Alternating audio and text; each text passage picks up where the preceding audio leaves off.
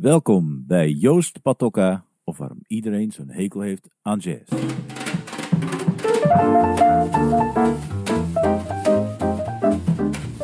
Ik ben Joost Patokka en ik ben drummer, jazzdrummer. Als ik op een feestje vertel wat ik doe, dan wordt er vaak gevraagd of ik ook een gewone baan heb of wat ik dan overdag doe. Ook hoor ik vaak dat mensen zeggen dat ze er zenuwachtig van worden of dat ze eigenlijk helemaal geen verstand hebben van jazz. In deze podcast ga ik praten met mensen die zelf geen jazzmuzikant zijn, maar wel gek zijn van jazz. Graag wil ik van ze weten wat ze nou zo leuk vinden aan jazz.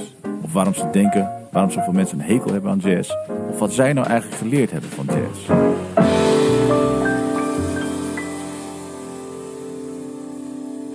Vandaag de gast, acteur Jeroen Spitsenberger.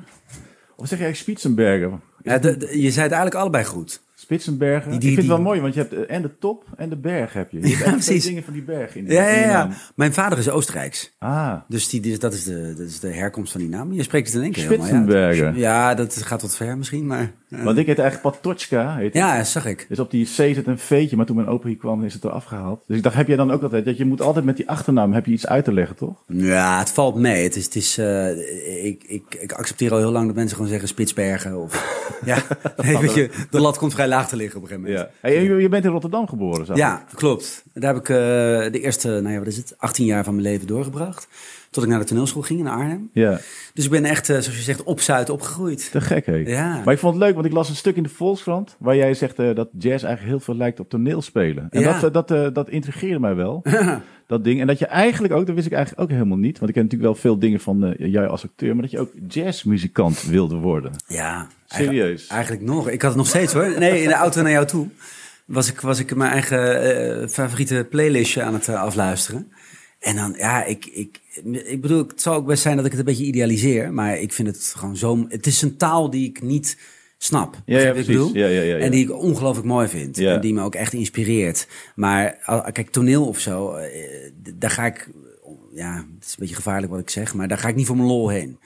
Weet je wel, ik ga naar collega's kijken en af en toe ga ik trouwens wel voor mijn lol heen, dus het is een beetje gechargeerd. Maar als ik naar ehm, muziek ga in het algemeen, naar concerten, dan, dan doe ik het ook om eh, over te geven aan iets wat ik niet, Niet ken. ken, ja, ja, en ja, wat ik niet helemaal snap hoe je dat dan doet. Ja. Speel je een instrument dan ook, of niet? Nee, ik kan een beetje drummen, Oh, maar het, ik vind dat heel Oh, ik gevaarlijk. staat achter, ik wil wel even uitpakken Ik, wou net meteen. zeggen, ja, ik vind het heel gevaarlijk om het in jouw bijzijn te zeggen. Dus het mag echt geen naam hebben. Ik ben, eh, ik ben de meester van de vierkwart, zou ik maar zeggen. ik ook trouwens. Maar, ehm, nee, maar dat, dat vind ik bijvoorbeeld echt te gek. Ja. Eh, en ehm, ik zou heel graag piano of gitaar willen spelen. Maar het is me gewoon... Ik weet het niet. Dat, dat heb ik nooit doorgezet als kind. ja. Maar heb je dat dan van huis uit meegekregen? Nee, eigenlijk niet. Hoe, heb, hoe ben je dan in die jazz terechtgekomen eigenlijk? Ja, het is een beetje raar. Ik, mijn, met name mijn moeder had een eh, best wel uitgesproken muzieksmaak. En je moeder is Nederlands? Ja, ja mijn moeder Ja, is ja. echt een Rotterdamse. Ja. Ja, en ehm, dat was degene die eigenlijk thuis de meeste plaatjes opzette. En Waar jullie, waar ze naar? Nou, ik ben heel erg gewend om van die, van die beetje easy listening-achtige... dus alles tussen de Beatles en Crosby, Stills en Nash. Oh, ja, ja, ja. Weet je wel, en Joni. Mitchell en Bruce Springsteen, dus een beetje die hoek. Maar ook had zij een voorkeur, en die heb ik wel overgenomen... dat had zij weer van haar vader, van eh, Sam Cooke en Aretha Franklin... en de Deep River Quartet. Dus Oh, ja, ja, ja. alles zo tussen gospel en Ja, soul. ja, precies. Ja, ja. En dat, da- daar ben ik eigenlijk verder in gaan zoeken, vooral. En ik had een oudere, of ik heb een oudere broer die, ehm, eh, die toen ik een jaar of twaalf was, zat hij al zwaar into Prince. En toen heb ik die liefde voor Prince helemaal overgenomen. En dat is echt tot op de dag van vandaag. terecht, en eigenlijk ja. is het zo dat door Prince, dat is voor mij echt wel een soort kruispunt geweest om heel veel nieuwe wegen te ontdekken. Waaronder de jazz. Want bijvoorbeeld, ik herinner me dat toen ik elf was of zo, of twaalf, toen had je die, die, die beroemde Sign of the Times van Prince met de tournee. En dat, dat was echt mindblowing goed. Met een waanzinnige band. En dan hadden die als een soort pauzenummer, speelden ze Now's the Time van Charlie Parker. Oh ja, die band dan of zo? Of niet? Die band gewoon- deed oh, En je Prince moest even, weet ik veel, andere hakken aan. En dan ging die band los op Now's the Time. En dat kende ik niet. Ja. En daar las je dan over van, oh, dat is blijkbaar van Charlie Parker. Wie is dat dan? Nou ja, Maar dan ging je dan naar uitvogelen. Dus bij Ja, het ging concert dacht je van, wat is het voor stuk? Ja, ook omdat ik het zo goed en zo funky vond. Ja. En, en Prince wist dat natuurlijk zo en zijn band zo naadloos in hun eigen set te, te, te vervlechten. Dat, ik vond het heel bijzonder dat, dat, dat, het zo, dat het zich daar ook voor leende. Dat het zo goed tussen, tussen funk Ja, ja, precies. paste of Ja, blues. Of, Maar waren er ook veel van je vrienden die zeiden, wat is dit nou weer voor muziek? Of niet? Of vonden die dat ook wel? Omdat het... dit, dit was allemaal zeker in die jaren een beetje heimelijk genoeg. Ja, ja, precies. Hey, en wat was dan het, wat je, waar ging je op zoek? Parken wist je dan? En dan Ja, die en natuurlijk eh, Miles Davis en zo. Ik bedoel, je begint ergens.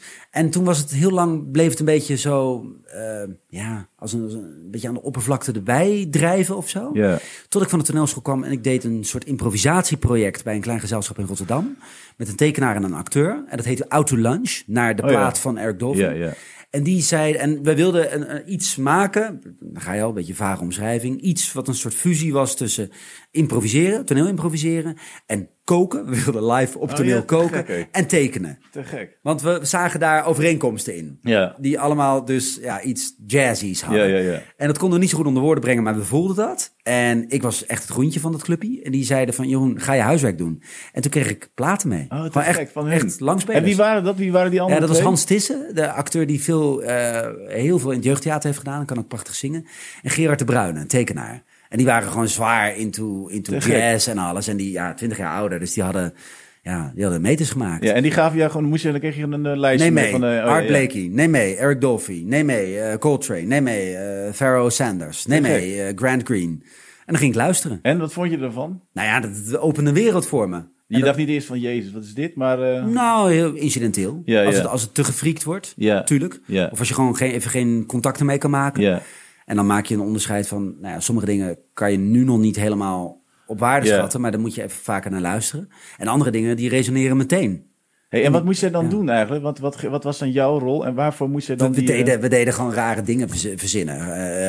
eh, slapstick-achtige dingen en, en teksten. En ja, de, de, de- we maakten theater. En wat was dan zeg maar die invloed van die platen van die jazz eigenlijk daarbinnen dan? Wat, wat, wat kwam, waar kwam dat dan terug? We, we, we werden er ten eerste dol enthousiast van, alle drie. We zeiden, oeh, heb je, heb je deze intro gehoord? Oh, ja, ja, ja, en dan luisterden we naar iets van met een basloopje en met een, met, een, met een drum, hoe die begon. En dan zeiden we, dat is dan perfect, want dan, als dan het personage opkomt... en dan kan je op dat moment, en dan moet dan het licht invallen. Dus we, we benaderden het eigenlijk heel, ja, laten we zeggen, theatraal vanuit die muziek. Omdat het meteen, het gaf richting en het gaf schwoem. Ja. En wat, wat moest jij dan doen? Wat, wat, wat weet je nog wat je, wat je speelde? Wat speel je dan? Uiteindelijk is de hele voorstelling volgens mij, eh, die, die heeft twee keer plaatsgevonden of zo, binnen een soort experimenteel festivalletje. Ja, En er stonden 40 man en een kip naar te kijken en die dachten ook van, nou, leuk voor jullie.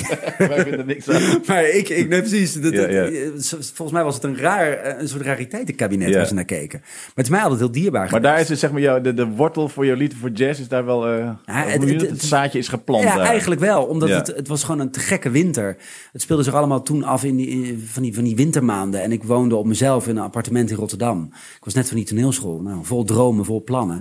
En ik had ineens die platen spelen met allemaal nieuwe schatten Ja. die ik moest ontdekken. Ja, Te gek, ja. vond ik helemaal te gek. Ja, dat kan ik me wel voorstellen. Ja, hey, maar hoe dus denk je dan? Want jij zegt ook dus dat het lijkt, het toneelspel lijkt dus veel op, eh, eh, op jazz. Heeft dan wel zijn overeenkomsten. En wat voor, wat voor manier zie je dat? Nou, ik heb het bijvoorbeeld wel gehad met. eh, kijk, heel letterlijk vind ik het zo. Als je, als je een voorstelling hebt gerepeteerd. En dat doorgaans is dat tussen de vijf en de zeven weken van repetitie. Ja, Zeg maar in Nederland, in het systeem wat we hebben.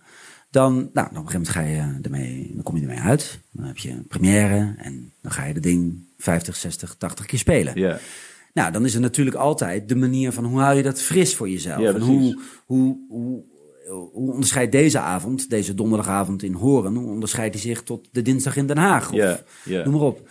En ja, in, in zo'n proces om dingen heel fris en levend te houden, vind ik het heel erg tof om, ja, om, om dingen te veranderen. Ja. Of om kleine aanpassingen te maken, of om anders op te bouwen. Weet je, het gaat niet om enorme. Ik, ik kan helaas niet een hele setlist Nee, omgooien. want je hebt natuurlijk het script is natuurlijk echt vast en Tuurlijk. de rol en de andere, weet je wel. Ja. Maar waar zit dan het moment waar je, weet je wat je in jazz natuurlijk dan improvisatie, het, Het- gedeelte hebt. Heb je dat, waar zit dat dan in, in Het zit toneelspelen? hem in het hoe. Ik denk uiteindelijk Oh, ja, meer ja, in het ja. hoe dan in het wat. Ja. Want ik kan het wat niet omgooien, inderdaad, Ja. wat je zegt. Ik kan niet ineens acte drie. Je kan niet gewoon gaan halen. adlippen ergens. Dat gaat natuurlijk helemaal niet. Nee, dat, dat gaan lopen sketten. dat zou Ja, cool zijn, ja. maar dat is raar. Het publiek snapt dat niet. En je collega's ook niet. Nee, ik bedoel, en er zijn ook collega's die er wel open voor staan... om de dingen gewoon net even iets meer fluide te benaderen. En Ja. om een andere ritme, andere temporiseringen. Je, je moet het in dat soort nuances Ja, zoeken. hè. precies, precies. Maar het zit er niet ineens in dat je, dat je de boel eh, overhoop kan gooien. Maar in je benadering, in, in dat dingen niet allemaal heel erg strak vastleggen. Kijk, je hebt, je hebt acteurs die enorm hechten aan... eh, dit doe ik op die manier. Die hebben het helemaal ingedeeld. Ja. Je, dit blokje is geel, dit blokje is blauw. En het heeft dit ritme en het heeft dit volume. Ja, ja. Het heeft die intensiteit en het betekent dit. Ja. En ik vind het gekke juist dat dingen ook een beetje ambigu mogen zijn. Dat het eh, niet helemaal is wat je dacht. Of dat het twee dingen tegelijkertijd Ja. betekent. Ja, ja, precies, precies. Ik bedoel, dat moet je ook ontdekken hoor. Dat is niet een soort Dat komt dan met de jaren, komt dat of zo, met de ervaring. Ja, en ook, en ook het materiaal moet er naar zijn. Ja. Want soms is een scène gewoon eenduidig, nou, betekent die dit? Nou, dan moet je hem ook gewoon boem daarop spelen. Ja. Heeft hij dit tempo nodig? Heeft hij deze intentie nodig? Die kleur? En dan kan je het over eens zijn met Ja, elkaar. ja. Ik bedoel, dat is ook iets wat je uitzoekt in repetities. Maar dat zou je dan, als ik nou even vergelijk met wij, wij dan doen, weet je, op het podium, dat je dan elke avond kan een stuk inderdaad anders gespeeld worden. Mhm. Ja. Weet je, de ene avond is het zo. En dat is eigenlijk, ik zit dan net te denken, omdat je zegt, het zit hem heel erg in het hoe. Ja, Dat is wel interessant, dat is bij jazz eigenlijk ook zo. ja, is het zo? Ja. Want ik heb altijd de, de, de, het, het idee, maar de, ik realiseer me dat ik het misschien dus een beetje romantiseer, dat bij jullie ook het wat echt kan veranderen. Dat als jij en, en weet ik veel, jouw collega's besluiten van, we gooien de setlist vanavond om, Ja. we starten met het einde en weet je zo, Ja. Dat je dat gewoon ter plekke kan besluiten. Ja, ja, dat kan, ja. Ja. Het gebeurt eigenlijk niet zo, want het heeft wel een bepaalde opbouw ook. Weet je, misschien een beetje als een, als een toneelstuk. Ja. Maar vooral inderdaad daarbinnen, de improvisatie, weet je wel. Dat vind ik wel een beetje een rot woord, improvisatie. Dat vind ik altijd net of het, hoe heet het, MacGyver met zijn rol duct tape en Ja. niet machine. We gaan iets maken wat nog niet bestaat. Ja, nee, wat kapot is. We gaan Nee. improviseren. maar eh, dat is wel zo, weet je. Dus dat, dat, eh, dat fenomeen, dat, misschien is daar zit het, het hoe en wat. Ik denk dat Dat dat, dat, dat, dat is de, eh, de, dat is de nuance of zo. Maar ik vind bijvoorbeeld ook echt een groot verschil of je met mensen op toneel staat. En die zijn er gelukkig heel veel hoor. Die echt contact met je maken. En echt benieuwd zijn naar van oké, hoe gaan we dat doen vanavond? Ja, ja, ja. Want ik bedoel, we weten hoe het moet. Sure, we Ja. hebben dat ding gerepeteerd. En gisteravond was te gek. Alleen dat moet je durven loslaten. Ja, precies. Je moet het weer opnieuw ter plekke veroveren. En ook ja, meegaan met wat er is die avond. Als er een heel stugge zaal zit, of juist een zaal die enorm zin erin heeft. En Oh ja, heb je daar, oh ja, is dat ook zo? Dat hebben wij natuurlijk ook. Weet je, is dat bij jullie ook zo? Als, Ja. je, als je een hele stuk hebt waar niks gebeurt. Tuurlijk, En of een zaal die helemaal uit span gaat de hele tijd. dat ook. En dan moet je soms, soms tegengaan. Ja, ja, ja. Dan moet je juist, tenminste dat is onze ervaring. Want zeker met een, een stuk wat bijvoorbeeld, ehm, laten we zeggen, wat, wat, wat evenveel drama als, als comedie bevat. Als Ja. het echt een soort trage, tragicomedie heet het dan. Weet je, dus dan gaat het echt om een balans. en Een toon die je Ja, vindt. ja, ja. Nou, dat kan heel erg zijn. Zeker tegen het weekend aan hebben mensen zin om uit te gaan. Dan, dan, dan gaan ze helemaal met je voorstelling. Ja, zeg zo. Dan gaan ze met je voorstelling er vandoor. Ja, Weet je wel? Dan hebben ze echt zin. Van het is verdomme vrijdagavond en we zullen lachen ook. Dus Maakt elke, nee, precies. Dus elke grap of elke beetje, beetje geestige opkomst of onverwachte wending, die wordt echt met gejuich begroet. Oh, ja, alsof er een soort komeet is ingeslagen. Nou, dan moet je dus met elkaar op toneel dat voelen. Ja. En dus ook een beetje tegen gaan kleuren. Dus op maandag is het bijvoorbeeld heel anders dan dezelfde... eh, de- Totaal. oh ja, ja. En er zijn ook gewoon steden waar, het, waar ze, ja, klinkt zo, maar dat is echt wel zo, waar ze beter luisteren. Waar luisteren ze heel goed? Leiden. Oh ja. En waar luisteren ze niet goed? Eh, Kijk uit, hè, nu. ja, nou, even over- Vind je het goed als ik deze even, even parkeer? Ga ik hier even over nadenken. Nee, maar je hebt soms dat ze, Ja. dat ze... Je hoort echt serieus per publiek of ze heel erg bijvoorbeeld op het plotlijntje zitten. Ja. Dus gewoon op en toen. Ja. En wat gebeurde er toen? Ja. En wie kwam er toen binnen? Ja. Oké. En anderen zitten veel meer op, wij spreken de subtekst of zo van je stuk. Of eh, die luisteren naar de taal. En die zijn heel gevoelig op taalgrapjes. Nou, dat is heel cool. Ja. En dat, dat ga je op een gegeven moment ga je daar ja, een beetje voelsprieten voor krijgen. ja. Heb je dan wel het idee dat mensen echt dat specifiek luisteren? Of heel precies... Tuurlijk. Ja, het zijn toneelliefhebbers. Maar dat is eigenlijk dat, dat is het grote imago-probleem met jazz heeft. Weet je? Dat mensen eigenlijk niet willen luisteren. Dat moet, of niet, dat, dat is zeg een beetje, dat is gechargeerd, maar dat je je echt moet openstellen om te luisteren naar iets wat je niet kent. Weet je wat ik heel tof vind bij jazz vaak? Eh, dat heb ik ook zelf moeten... Nou, ik weet niet of het overwinnen is, maar daar moest ik aan wennen, zeg maar. Niet bij alle jazz, maar bij sommige soorten eh, stukken. Dat je, dat je nog niet zo goed weet waar je naar Ja, luistert. ja, precies. Ja, ja. Omdat het zichzelf niet meteen definieert. Ja. Of het is niet meteen een soort... je krijgt niet een instant bevestiging van... Oh, wacht even. Het Ja, wordt zo'n het. melodietje. Ja, ja. En dan is dit het bruggetje. Ja. En dan doen we een coupletje en een refreintje. En dan zijn we er. Weet Ja. je, dat natuurlijk met van die confectiepop en zo... is het... ja, nee, maar dat is Ja, allemaal... ja, ja, ja. Daar word je eigenlijk voortdurend gerustgesteld. Ja. Het is een soort variant Ja. op wat je al Ja, het kent. is een verwachting gewoon. Weet je, je verwacht gewoon, oh, nu komt gewoon dit. En dat, Ja. dat is bij popmuziek of weet je, bij veel muziek is dat natuurlijk zo. Dat Ja. heb je bij jazz natuurlijk veel minder. Maar eh, exact. En ik denk dat er, daar is wel een soort parallel te trekken met eh, toneel. Of misschien ook met sommige film of televisie. Dat er, dat er bijvoorbeeld heel echt well-made plays zijn. Die zich volgens een bepaald nou ja, eh, patroon ontwikkelen. En die- dat kan ook vreselijk goed gemaakt zijn. Dus dat is het punt verder niet. Maar wanneer iets dus niet aan je verwachting voldoet. Of zich een beetje onttrekt aan ja, aan wetten die jij als ja, publiek denkt te kennen. hey, dat, dan wordt het interessant, vind ik. Want dan moet jij je oordeel een beetje opschorten. Dan moet je geduldig zijn. En denken, waar gaat dit nou naartoe? Wat, wat, wat, wat, wat wil deze muziek van me? Weet je wel? Ik, ik ben al dat ik voor het eerst... eh, er is een prachtig stuk van Ornette Coleman. eh, volgens mij Lonely Woman heet het. Heel mooi lied. Ah joh, dat, ik, ik, ik was helemaal... Ik wist niet wat er gebeurde toen. Maar jij bent natuurlijk wel gewend dan, zeg maar, vanuit je ervaring als, eh, als toneelspeler, dat je je gewoon open durft te stellen. Ja, en uitstelt van ja, ja, ja. En dan mening. k- kijken wat er gebeurt en wat, wat doet het met me. En, eh, maar dat, vind, dat is wel, dat merk je dan, weet je, sinds we hier in Aartswoud ook wonen, Mm. dat mensen zich, ja, die kennen dat helemaal niet. Eigenlijk. Nee, weet je, ze zijn nee, natuurlijk helemaal niet eh, eh, bekend met het fenomeen jazz. Het maakt ook niet uit. Ik denk heel veel mensen in Nederland niet, weet, Weet je wel. weet je wat denk ik al heel slim is? Dat, dat jij, jullie, dat festival ja. organiseren hier. Nou, we doen ook gewoon, zeg maar, we doen ook gewone concerten, weet je wel. Gewoon sessies. Ja, nee, gewoon concerten. En dan eigenlijk wat we dan doen is dan een... eh, wat we dan deden is bijvoorbeeld een bekende Nederlander. Dus Ja. iemand die bekend laat ik het Ja. zo zeggen. Die dan niet speelt, maar die wel van jazz houdt, weet je wel. Dus een Remco Kamper. die is voorleest of zo. Ja, of Kees van oh, ja. En die, die zetten we dan samen met een jazzgroep. En Ja. die moeten dan Oh, ja. gewoon, die ontmoeten elkaar om vijf uur. Te gek. En dan doen ze gewoon half negen moeten beginnen. Dat was het dan. Eén keer en nooit meer, weet je wel. Ja, Dat hebben we gedaan. Dus dat was eigenlijk om het publiek te trekken. Want die, Ja. die bekende persoon, die trok natuurlijk gewoon... Dus op zijn naam. eh, Ja, op zijn naam het publiek, weet je. En, dan Ja, ging, ja. en er waren heel veel mensen die zeiden... Nou, goh, ik heb voor dit in mijn leven een jazzconcert gehoord. Dat heb ik nog nooit gehoord, weet je. Ik, vind je- het wel leuk. Weet je wat het ook is? Eh, ik, ik ben bijvoorbeeld niet echt opgegroeid met klassiek. Op een Ja. gegeven moment ben ik naar klassieke concerten eh, eh, eh, gegaan. Om, en ik merk ook altijd dat ik dan veel meer eh, waardering op kan brengen. En ik sta veel meer open voor wat het ook is. Omdat ik ze zie. Ik zie ze op het podium en ik zie ze musiceren. Ja, ja, en contact hebben met elkaar. En ik, ik, eh, terwijl als je het op, eh, nou maar even bijvoorbeeld Radio 4 aanzet of een CD, het is Broekner of iets wat je niet kent. Wie weet zit je al na 7, 8 minuten dat je denkt, nou ik ga het afzetten. Ja, Dit is niet mijn. Ja. Maar nu alleen al het feit dat je de investering maakt om naar zo'n concertgebouw of waar het ook is te gaan, kan ook iets kleins zijn. En, en, en je echt te verplaatsen in het musiceren zelf, dat maakt wel dat je veel meer open gaat. En ik denk dat het met toneel ook zo werkt. En ook met jazz zo. Ja, dat is het gekke eh, saxofonist uit Rotterdam, Tinus Bruyne. Die zei dat ook. Je, hebt dus, weet je, je, je luistert naar de jazz, maar je hebt eigenlijk ook kijkjazz. Dus je kijkt eigenlijk wat jij zegt. Ja. Dat zijn toch, eh, weet je, want heel erg eh, gaat het dan om dat je alleen moet luisteren naar die muziek. Maar inderdaad, het kijkgedeelte is denk ik ook heel erg gek? belangrijk. Ja. Ja, het is gek om te zien wat die, dat, dat die saxofonist staat te wachten op de pianist. Ja, wat er nou dat hij aan het kijken is. Oh, hij heeft even een onderrondje met de drummer. Ja. Kan dat gewoon? Mag ja, dat? ja. Dat vind ik te gek. Die, ook die, dat contact, de dialoog onderling. Ja, ja, jij, zei, je had ook in je interview over Branford Marsalis. Ja. Die doet het bijvoorbeeld ook. Dat vind ik altijd heel te gek Jij hem zien. nog gespeeld, zag ik. Ja, ik ben wel goed bevriend al met hem al. Oh. Een jaar of weet ik veel, twintig. Dus Oh, ik, wauw. ik was ook bij het concert trouwens, waar jij ook was. Welke? Was ik met, met, eh, met Branford Marsalis toen in het concertgebouw met Kurt Met Elling. Kurt Elling? Ja, wat je ook beschrijft in, Ja, in oh ja, ik weet niet waar het... eh, Oké, ja, ik weet ik veel.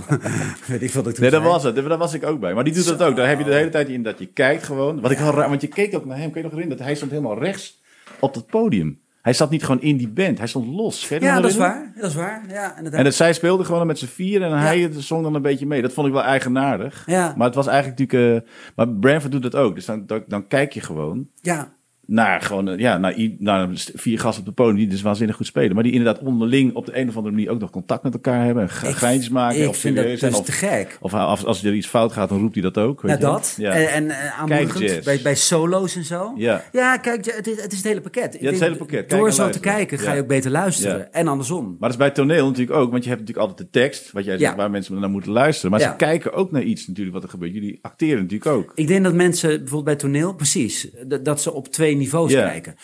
Volgens mij, zeker als je een beetje een getrainde kijker bent. Of luisteraar. Dus je kijkt naar gewoon, wat, wat willen ze me vertellen? Gewoon van A naar B, wat is het verhaaltje? Eh, wat, wat is de compositie van de avond? Maar vervolgens ga je ook kijken, ja, maar hoe voeren ze het uit? Ja, En volgens mij, als je een beetje getraind dat bent... is wel interessant eigenlijk. Tuurlijk, er is een ander niveau Ja, van. Ja, van ja. wat, wat, wat mee communiceert. Ja. Zeg maar. En dan zie je of het een heel. eh, wat de interpretatie is ervan, weet je wel? Muziekstuk A of toneelstuk B doen, dat is één ding.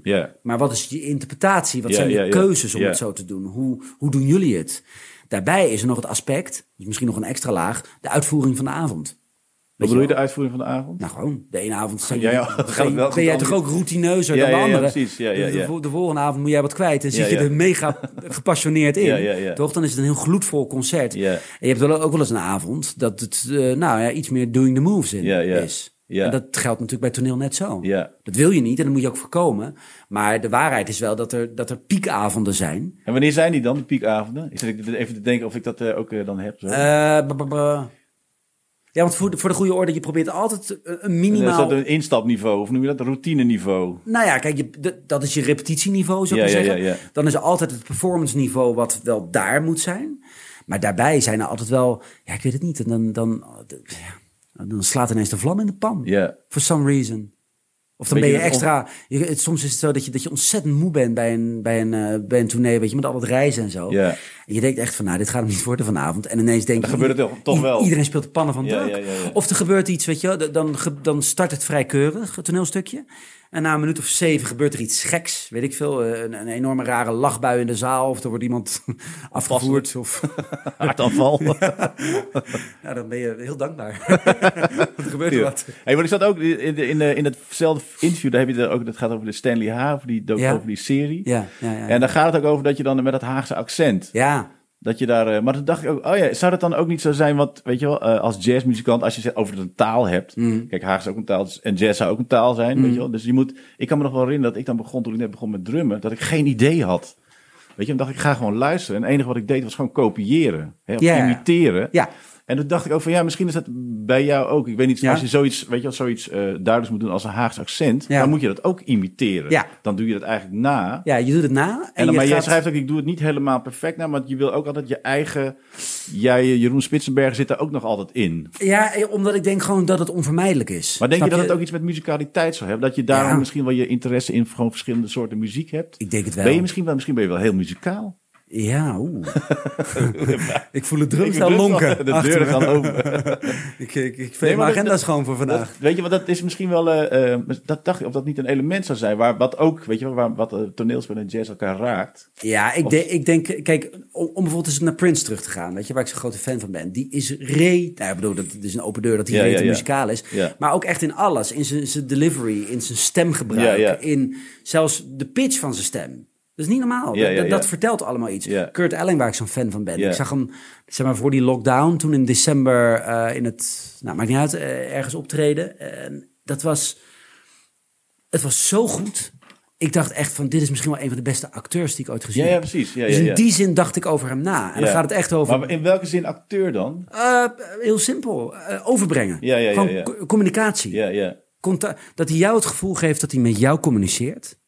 Dat probeer ik ook. Ik Ja. sta op het toneel voor 400, 500 mensen. Maar het gaat erom dat jij op rij 17 denkt... hij heeft het tegen mij. Ja, ja. Dat wil ik. Dus dat is eigenlijk de kern, of de- is dat dan een kern van een acteur? Dus je speelt niet iemand anders, je bent gewoon jezelf en dat, je maakt gewoon dat contact. Ik denk dat toneelspelen een soort steeds dat je een versie van jezelf opzoekt. Ja, ja. Weet je, want er is een raar misverstand van... oh, je bent nu, eh, weet ik veel, iemand anders of zo. Nee, ja, Of wat je net zei over Pim Fortuyn, weet Ja. je wel. Dus je bent niet Pim Fortuyn, maar je bent gewoon Jeroen Spitsenberg die... Die Pim Fortuyn interpreteert, Ja, ja, ja. eigenlijk. En dat is een beetje gek bij hem, omdat het natuurlijk zo'n superbekend iemand is. Ja. Dus je doet het binnen de, ja, laten we zeggen, binnen de parameters van gedrag en uiterlijkheden zoals mensen hem kennen. Ja. Het is nogal een specifieke meneer, Ja. Pim Fortuyn, kan je wel zeggen. Daarom zit ik er ook zo bij, zonder haar. Fotootje maken zo meteen. Precies. Maar, eh, ik bedoel, maar binnen die parameters, dus daar zoek je het, zeg maar, dat is je route. Maar tegelijkertijd ehm, is het aan mij om hem te spelen Ja. en om hem, om hem een stem te geven. En wat is dan precies specifiek wat hem, nee, wat jou hem maakt? Nee, wat hem jou maakt? Nou, dat- waar dat- dat waar zit hem- jij dan in? In, nou de- ja, in alleen al het, ik, weet het niet, dat is een goede vraag. Maar ik denk alleen al het feit in dat ik hem vertolk en dat ik hem... Kijk, we maken hem bijvoorbeeld bij Fortuin, maak je hem mee in, in, in de dingen die iedereen heel goed kent. Ja. Weet je, de, de nederlagen en de, de, de, de verkiezings... eh, weet je, de, de, de speeches en zo. ja. Dat kun je zelfs opzoeken op YouTube als je dat wilt. En dan kan je de Pepsi en de, weet je, de Pepsi-test kan je doen. Los daarvan laten wij ook een heleboel scènes zien die het drama achter iets tonen. Ja. Nou ja, dat is, dat is gissen. Dat is Ja, dat weet je dus inderdaad helemaal niet. Dat maken Ja. wij en jij weet niet of het echt zo gebeurd is. En daarin heb ik meer dan bij die andere dingen een, een eigen stem. Ja, want dat zeg je ook in het interview. Fictie is ons territorium. Ja. Dus dat is dan dat. Eigenlijk, daar kan jij je eigen interpretatie geven in. Exact. Ja, ja, dan, ja. dan gaat je verbeelding, eh, eh, zeg maar in eerste plaats als scenario schrijven, als maker, regisseur, acteur, die gaat werken. Ja. En dan vul je iets in Ja. van hoe het gegaan zou kunnen zijn of wat aannemelijk Dus is. het is altijd wat ze dan zeggen. Het is gebaseerd op hoe noem het, waar gebeur, ware gebeurtenissen. Dat is het dan eigenlijk veel meer. In ons geval wel. Ja. Dus Dus Ja. dat is eigenlijk geïmproviseerd. Of dat is, hoe noem je zo? Zou je dat een beetje kunnen vergelijken ik- dan met wat wij doen? Ik zit te denken, dat weet ik niet zo goed, maar... ehm, Omdat, ja, nee, eh, improviseren is natuurlijk niet gissen, maar inderdaad, misschien zitten daar wel wat eh, parallellen. Je geeft een, je geeft een, eh, het feit dat jij iets vertolkt en dat jij ter plekke besluit hoe die vertolking moet zijn. Ja, En die is niet, eh, hoe zeg je dat, traceerbaar of zo. Weet je, dat kan je niet als, als een mal ergens Nee, nee, opleggen precies. en zeggen: Ja, ja, nee, nu is het wel goed of niet goed. Nee, het is aan jou. ja. Dat, dat, laat ik het anders zeggen, want ik heb het gevoel dat ik hier anders niet uitkom. Ehm, nee, er, is zoiets met een toneelspelen van. ehm, ehm, wa- wat is je personage? En dan denk ik, nou ja, ik heb daar een tournee eh, voor nodig om er eigenlijk achter te komen. ja. En ik zal hem waarschijnlijk bij voorstelling nummer 58, twee voor het einde, speel ik hem op detailniveau, zeg maar, anders dan nummer 14. ja. Ik bedoel, in, in Gross en Gansen zal ik hem wel hebben. De kleur, want daar repeteer je voor. En dat, dat is ook waarom je in the first place gewoon dit ding ging ja, doen. ja. Maar op een heleboel kleine, eh, op het gebied van nuance en kleuren, ben je voortdurend, is het work in progress, weet je wel? En is echt voorstelling 20 anders dan nummer 10 Ja. en nummer 60 al helemaal. Omdat je net andere dynamieken hebt gevonden. Omdat je net accenten anders Ja, ja, wil leggen. ja, omdat je misschien wel het gevoel hebt dat je een andere laag van je personage hebt aangeboord en dat je die wil eh, eh, blootleggen. Eh, misschien heb je dat halverwege gedaan en ben je ervan teruggekomen. Denk je, nee, nee, nee, dat moet ik juist uitstellen of dat moet ik juist niet te veel precies. tonen. Dus als, als ik nou zou gaan... Het is een levend ding, wil ik maar zeggen. Ja, ja, je doet ja, voortdurend ontdekkingen en daar reageer je op. Dat bedoel ik eigenlijk. Dat is voor mij de parallel, denk ik. Ja. Ik weet het niet. Ja, dat is zeker zo. Want als je, gewoon- als je een tourneetje doet, weet je, en je begint gewoon met de eerste keer en je hoort de laatste keer, dan is het, als het goed is, is er dan inderdaad heel veel gebeurd. Weet je, is er meer diepgang gevonden, ook wat dan ook, meer bedoel ik. ruimte, wat, wat, wat, wat Want jij, jij leeft, je bent een levend, denkend, voelend mens. En dat zijn je collega's ook. En daarbij hebben jullie ook een dialoog met Ja. elkaar. Maar we hebben bijvoorbeeld ook, heb je, ik weet niet of jullie het ook hebben, we hebben ook mensen die dat dus niet willen. Die graag van, Ja. eh, eh, eh, weet je, van uh, tournee 1, van dag 1 Ja. tot eh, de laatste dag, moet eigenlijk allemaal het liefst hetzelfde blijven. Maar ja, dat vind ik een beetje moeilijk. ja, dat vind ik ook moeilijk. Ja. Maar ik ken heel veel van die mensen die willen Ja, dat. nee, weet ik ken ze ook, ook binnen Moet het vak. vooral echt, er mag vooral niet te veel veranderd worden of, eh, weet je wel. Het, het zijn bij ons over het algemeen, ik let er even op dat ik niet chargeer, maar ik denk wel dat het waar is. Eh, zijn dat wat oudere Ja, ja, collega's. ja, ja, ja. Die, die, die van ja, een bepaalde stempel zijn. En die, die, houden de, die hechten gewoon heel erg aan die, die vastigheid en hele duidelijke afgekaderde afspraken. Ja, dat vind, ik vind het ook wel goed. Want bijvoorbeeld daar bij die, heet het nou, bij die eh handtekening van Duke Ellington daar, die daar Mhm. tegen de muur staan. Dat is ook Johnny Hodges. Weet je, dit is een concert, volgens mij, ik noem maar wat hoor. Dat is uit 58. Weet je, dat is zet even mijn bril 21. Is 21 mei 1958 speelden ze in Amsterdam en 22 mei eh, 1958 speelden ze dan in Italië. En daar is, dat is ook opgenomen. Dus die twee concerten zijn allebei opgenomen. Mhm. En dan speelt Johnny Hodges speelt gewoon exact dezelfde solo. Dus in Amsterdam speelt hij de solo. Ik weet niet welk stuk het meer was, wel in de mellotone of zoiets. En dan de dag daarna speelt hij gewoon in Italië exact dezelfde solo. Dus dat is ook, kan ik me ook wel voorstellen. Dat hij dus zegt, ja, ik wil gewoon dat het altijd zo blijft. Ja. En ik heb wel eens gehoord dat ze dan zeggen, ja, ik vind het gewoon, ik wil dat gewoon zo houden. Daar is ook wel wat voor te zeggen, vind ik, weet je wel. Als dus het- dat het niet altijd maar geïmproviseerd moet zijn om het improviseren. Nee, en ook, en ook, kijk, als het vreselijk goed is wat hij Ja, doet. dat is vreselijk goed. Ja, ja. En hij, hij wil binnen dat, die route die hij heeft gevonden voor dat aantal noten en die maten, Ja. wil hij het op die manier doen. Dan kan ik me ook voorstellen dat je daaraan, weet je, dat- dat je stick to it, zeg maar, en dat je dat perfectioneert. Ja. Want dan valt er ook nog wat te halen op het gebied van intensiteit. ja, dan zal hij, hij zal vast wel iets doen inderdaad. Weet je, Intensiteit dan, dan, zijn ja, het, ja. dan zijn het voor anderen nauwelijks waarneembare veranderingen, maar die zijn er wel degelijk om het fris te houden. Ja. Ik, ik, ik vind alleen belangrijk dat je waakt, zeker bij toneel, maar dat zal voor jou ook gelden, dat, dat het echt niet op routine is. Ja. Dat je denkt, goh, ik heb al nu vijf noten gespeeld en ik heb er helemaal niet bij nagedacht, ik deze gewoon. Ja, ja, ja. Maar niet in de zin van, eh, eh, ik schud het uit mijn mouw, want dat mag wel, dat Ja, is ja, ook ja, je vak. Maar gewoon dat je, dat je niet kiest. ja. Weet je, dat je gewoon... Jij gaat je- zitten en een beetje... Ik rij naar links, ik rij naar rechts en bestemming gebeurt. Weet je wel, ja. Ja, ja. Dat lijkt me saai. Te gek. Even kijken, wat wil ik dan nog meer vragen? Over jazz, over... over Oh ja, dus ik dacht ook Mhm. de aantrekkingskracht in jazz. Of dat juist tegenpolen zijn, weet je, acteren en jazz. Of zijn het juist dingen die juist heel goed samen met elkaar gaan?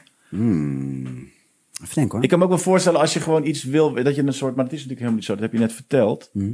Dus het lijkt eigenlijk meer op elkaar dan dat het gewoon... Dat je, iets, dat je bijvoorbeeld jazz nodig hebt. Dat je zegt van, ik wil zo graag even... Ik moet even dus dit, omdat jazz heeft die en die dingen voor mij... die ik bijvoorbeeld niet in het acteren Ah, vind. zo. Ja, ja, ja, ja. Nou, het, het, het, bij mij eigenlijk alles reageert altijd op elkaar. Oh, ja, ja, ja. En daarmee bedoel ik, als ik bijvoorbeeld ook eh, drie dagen lang heel intensief jazz heb zitten luisteren. Dan wil je ook niet meer. Oeh, dan is het even klaar. Nee, maar, nee, maar eh, gewoon heel letterlijk. Heb ik een dag lang naar een saxofoon geluisterd, dan moet ik even een piano horen. Of wil ik eh, een, weet ik veel, da- dan moet er iets heel verstilds tegenover staan. En dat werkt eigenlijk ook zo als ik een, als, als ik een, een comedie heb gedaan, weet je wel. En dan ben je daar op tournee geweest, 80 voorstellingen. Dan heb ik het wel gehad. gehad. Met al die, al die wisecracks en al die leuke zinnetjes Ja, ja. En, en, en al die plotwendingen. Hoe te gek het ook is. Ja. En hoe het publiek het ook gewaardeerd heeft. Maar dan heb ik juist behoefte aan een heel andere vorm en een andere, ja, andere, andere mededeling. Ja, dat is heel herkenbaar. Zou ik maar is zeggen. Heel herkenbaar, ja. En, en ik moet er echt niet aan denken. Dat Maar dat is je, eigenlijk een hele luxe positie waar je in zit. Hè? Dan kun je Ja. dus inderdaad, want als je dus alleen maar dat zou moeten doen, of één ding. Ja, Dus je kunt gewoon van comedie naar eh, Pim Fortuyn, naar Ja, dat- oogappels. dat je beweegt gewoon overal ja van dat is echt een grote luxe. En die Ja. koester ik ook echt. Ja. En die, ik heb het ook wel in die zin nagestreefd, voor zover je dat bewust kan nastreven. Maar ik heb het altijd geambieerd om gewoon heel breed werkzaam te zijn. Ja. En daar ook ge- geprobeerd op in te zetten. Gewoon qua, weet ik veel, hoe je het vak leert en de ambachtelijkheid ervan. Ja. En dat je overal voor open staat. Maar dat vraagt heel veel van je, lijkt me, als acteur. Ik, als ik nu als muzikant, want weet je, ik speel eigenlijk alleen maar jazz. Maar daarbinnen heb je natuurlijk ook weer heel veel soorten. Ja, Maar ik heb bijvoorbeeld, je hebt ook drummers die bijvoorbeeld en pop spelen, weet je. En die, die zitten, zeg maar, de ene dag zitten ze bij de Voice Kids, zitten ze aan Mhm. die band. En de dag daarna spelen ze in het Metropoolorkest. En de dag daarna speelt hij een van de Free Jazz. Er is één drummer, Martijn Vink, die doet dat bijvoorbeeld. Weet je? Maar misschien ben jij wel de Martijn Vink van het acteren. nou, ik zou je eerlijk zeggen, wat je nu beschrijft, vind ik, vind ik, dat klinkt voor mij als een droom. Ja. Meen maar zo, als jij, eh, zo, zou ik in mijn vak willen Ja, ja, staan. Misschien sta ik het wel, maar dat Ja, weet ik dan niet. Eh, Ik, ik word niet wakker en denk ik ben eigenlijk Martijn Vink. Weet je wie het is? maar vanaf nu Nee, wel. speelt ook bij, nee, maar doet het dus Anouk speelt hij. dus Oh, bij cool. zijn week kan er dus echt zo uitzien. Dan speelt hij gewoon maandag bij Anouk. Weet je wel, en dan doet hij vrijdag dan doet hij dan Voice Kids. En dan speelt hij daartussen speelt hij een Ja, free ik- met Reinier Baas, een te gekke ja. gitarist. Dan Ja, speelt hij dan natuurlijk. duo mee, weet je wel. En dan, eh, dan dus dat, dat is een beetje misschien Ja, zoals jij. ik, ik bewonder dat. En ik vind het heel knap als je, want dat probeer ik in ieder geval bij mezelf, dat je, dat je de knop weet te vinden. Ja, maar en hij blijft dus altijd zichzelf. Je hoort altijd dus Martijn Vink bijvoorbeeld. Dat Vet. is die drum. Ja, dat is te gek. Hè? Je hoort niet dan, oh ja, dit is, zou het nou zijn? Nee, je hoort altijd. hey, Anouk heeft een jazzdrummer. Ja, ja, nee. je, je hoort gewoon. Speelt waanzinnig goed big band, maar dat is wel. Dus je hoort altijd hem. Ja, maar dat soort veelzijdigheid, dat, dat streef ik eigenlijk ook wel naar. Zijn er meer acteurs die veel, zo veelzijdig zijn als jij of niet? Nou, je weet wel, ik bedoel... Ik Ben jij de enige? Nee, ben je gek, houd toch op. Nee, nee, nee, nee, want ik, ik, ik heb altijd heel erg gekeken, ook uiteraard naar de mensen boven me, die ik, die ik heel indrukwekkend vond als acteurs. En dat zijn allemaal mensen die, moet je denken aan eh Gijs Schot van Aschat, Ja, ja, ja, eh, natuurlijk Bokma, Ja. Jeroen Willems. Ja. Ehm, maar ook eh, acteur, of actrices als Sylvia Porta of eh, Jaap Spijkers vind ik te gek. Dus het zijn allemaal mensen die, die eh, eh, hele brede carrières hebben. Weet je, die film, televisie, toneel doen. Ja. Maar die je ook gewoon om boodschap kan sturen qua voordracht van poëzie of een ander soort tekst. Ja, dat Eh, waanzinnig eigenlijk. Hè? Ja, dat vind die ik heel mooi. noemt inderdaad. Ja, Ja, maar dat zijn, dat zijn heel brede, heel bijzondere... Kijk, ik moet even kijken of mijn microfoon nog doet hoor. Sorry, wat sorry Oh, ja. in de reden val. Valt hij, doet hij het nog? Doet hij nog? Hoor je mij nog? Ja, hij doet het, hij doet het, sorry. ja, ben je binnen? Ik het oké? Oké, ja, nee. Ga verder. is een beetje zonde anders. Oh ja, maar, dat, dat, maar, dat is, Maar- was het ook iets wat jij ambieerde Ja. ook? Echt nadrukkelijk. Ja. Want gewoon, ik, ik bewonderde hun veelzijdigheid en hun, hun ambachtelijkheid. Het is ook gewoon heel vervelend als je naar een acteur kijkt die, die iets net niet redt. Ja. Weet je, dat je denkt, ja, die hebben ze Weet je nu... van niet? Ja. Ja, doe maar niet. Weet Ja. je wel. Maar dat is in de muziek echt moeilijk, jongen. Is- Blijf is bij je moeilijk. leest. Waarom is dat dan? Ja, omdat je gewoon, eh, eh, nou ik wil niet zeggen specialisme hebt.